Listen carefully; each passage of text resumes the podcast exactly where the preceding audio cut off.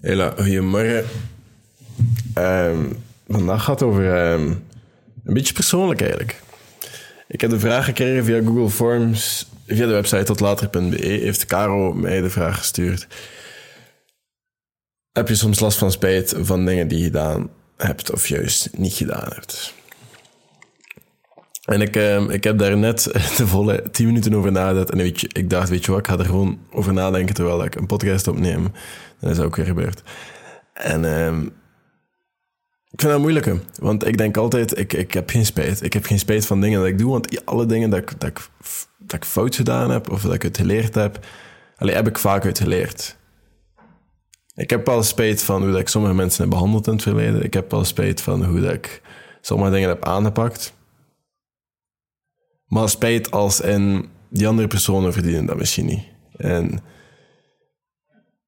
dat was niet aan mij om dat te doen. Maar als een spijt of dat ik het gedaan heb, in principe niet, want ik heb eruit geleerd dat ik dat niet in het vervolg moet doen. En dat is een beetje dat principe. Maar anderzijds heb ik ook wel zo een beetje spijt van zo hard te zijn voor mezelf en ook voor anderen. Bijvoorbeeld, um, als ik nu zo daarover nadenk.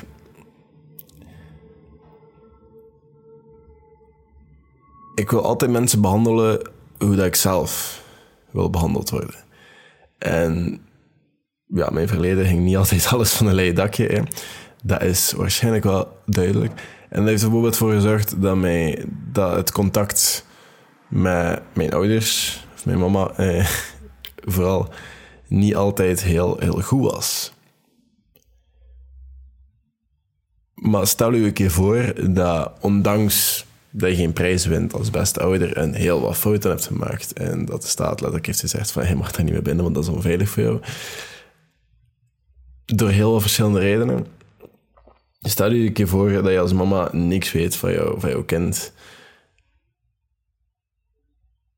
Weet dat hij bestaat, weet dat goed aan en weet, allee, je weet er niks van.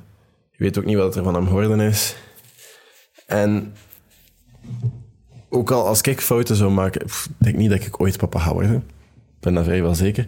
Maar stel, moest ik ooit papa worden en ik maak fouten en mijn zoon beslist om ooit weg te gaan, hey, whatever. Um, die kans gaat niet... dat is onbestaand, maar puur hypothetisch. Hè. Ik maak zodanig grote fouten, iedereen maakt fouten. De ene verdient het misschien gewoon niet om ouder te worden, of mag gewoon geen ouder worden. Maar dat is een, dat is een debat voor een, een andere keer. En ik weet niet, ik zou toch wel iets willen weten ervan. En op die manier probeer ik nu een beetje door het leven te gaan. Op die manier probeer ik een beetje die mensen te behandelen. Ondertussen weet mijn mama uh, bijvoorbeeld wat er gaande is in mijn leven. Ik heb daar geen band mee, zoals andere zo'n oude relaties. Uh, van mij is dat meer haar op de hoogte houden, maar omgekeerd is dat redelijk passieve dingen. En dat is, dat, is, dat is moeilijk, maar ondertussen is dat wel... Voor mij was dat wel de manier en de volwassen manier om daarmee om te gaan. Ik wilde haar niet afpakken. Of dat ze dat nu verdient of niet, of dat hij dat nu vindt of niet, dat maakt me niks uit.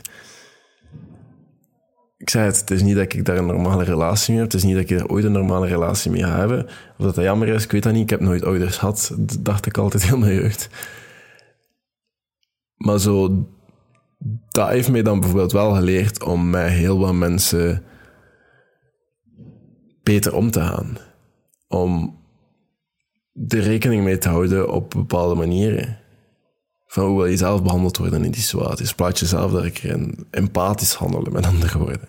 En dat is niet altijd makkelijk. En dat is de bigger person energy, eh, zoals ze zeggen, maar ook niet. Dat is, dat is echt gewoon soms basic decency. En ik heb dat heel, allee, dat heeft heel lang ontbroken in mijn leven. Ik heb dat heel lang gewoon niet gedaan. Ik heb heel lang gewoon letterlijk aan mezelf gedacht. Altijd omdat ik ook altijd alleen op mezelf kon rekenen. En die shift, ergens vind ik dat wel jammer dat ik dat niet eerder heb gemaakt. Zo eerder een beetje rekening houden met andere mensen. Eerder niet gewoon voor mezelf zorgen. dus dat, dat is een antwoord op je vraag. Een ander antwoord is ook niet altijd geloven in mezelf. Ik, ehm, ik ben origineel een jongen met heel... Nu zou je dat absoluut niet zeggen, ik weet dat. Uh, maar origineel ben ik een jongen met heel weinig zelfvertrouwen. Ik ben heel mijn verleden gepest. En um, geen makkelijke jeugd, geen makkelijke dingen, geen makkelijke omgeving. En dan zo denken dat je, dat je, dat je bijvoorbeeld geboren bent, dat niks goed gaat, even heel diep gezeten ook. Um, op goede instellingen en zoiets vraag stellen van waarom doe ik het eigenlijk nog? Hey, zo die dingen. En al die dingen hebben er dan eens eigenlijk voor gezorgd dat ik altijd aan mezelf moest bewijzen dat ik wel degelijk iets kon. Altijd aan mezelf. En ik doe dat nu iedere dag nog opnieuw. Nu, weliswaar op een iets gezondere manier. Alleen voor veel mensen lijkt dat heel ongezond, maar dat kan me geen rek schelen eigenlijk. Maar eh, iedere dag mezelf opnieuw. Nu komt er een maat van mij binnen hier in vijf minuten. Waarschijnlijk moet mijn gsm eigenlijk in de gaten houden.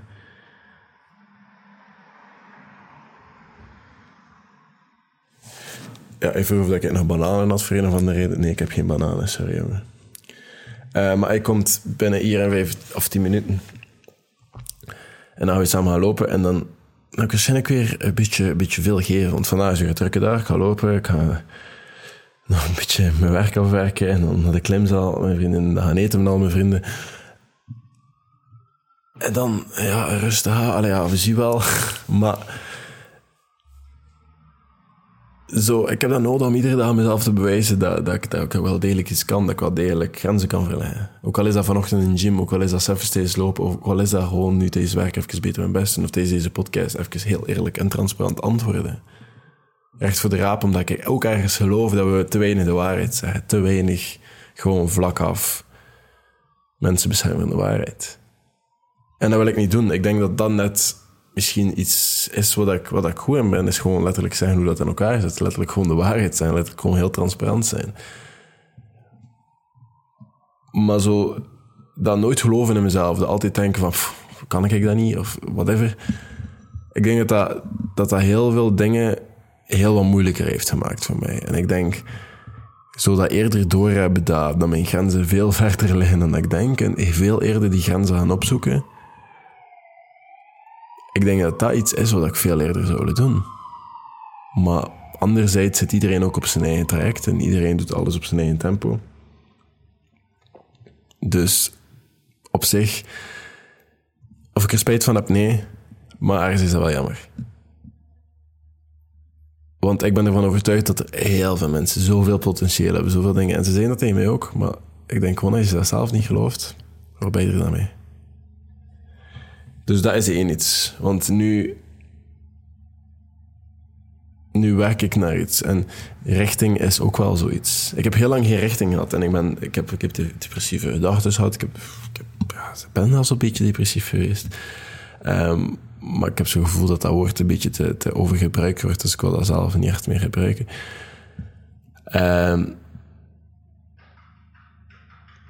maar het ging niet goed. Het ging niet goed met mij. En um, richting heeft me daar wel uitgesleurd. Ergens naartoe werken, ergens voorwerken, ergens... Wat ik in de vorige podcast zei, ergens voldoening uithalen. Dat is zo'n belangrijke reden waarom je s ochtends opstaat. Je dag vullen. Niet gewoon go with the flow, chill. Yeah. I've been there, done that. Pff, geen aanrader. Dat is even leuk. En andere is ook zo mezelf altijd willen omringen met andere mensen. Ik heb heel mijn jeugd met heel veel mensen besteed en misschien met heel wat verkeerde mensen en dat is oké.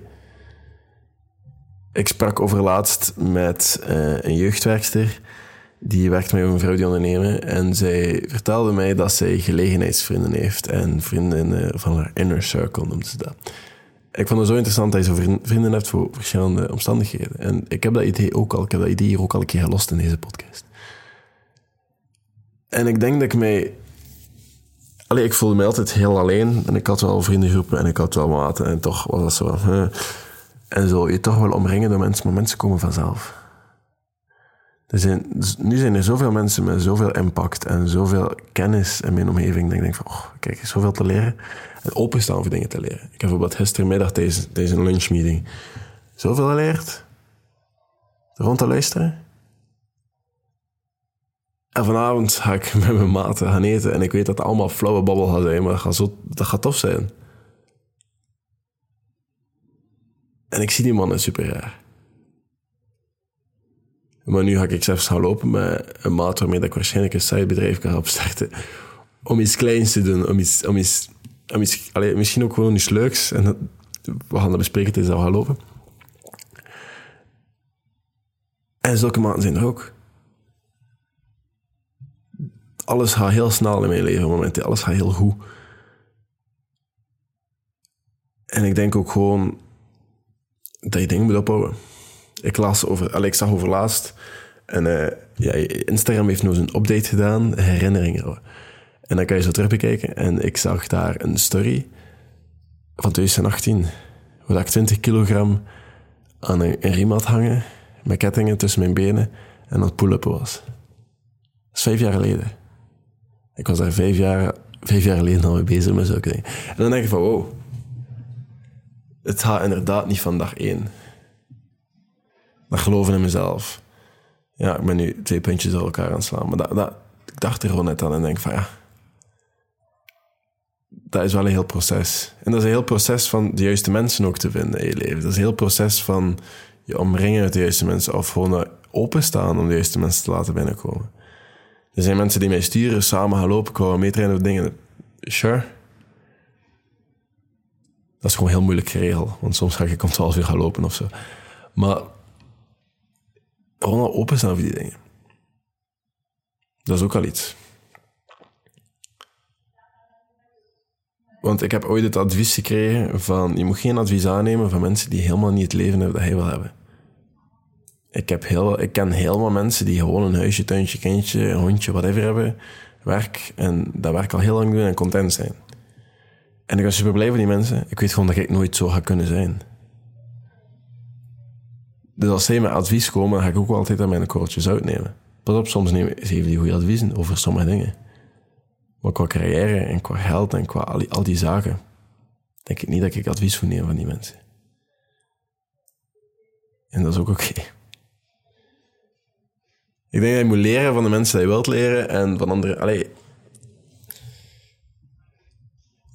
soms alleen zijn is ook goed. Dat is, dat is een andere les. Dat, dat, dat, dat ik dat misschien niet genoeg waardeerde, dat ik zoveel tijd voor mezelf had. En als ik daar nu op terugkijk, was dat wel een tijd dat ik heel veel geleerd heb en heel veel gedaan heb voor mezelf.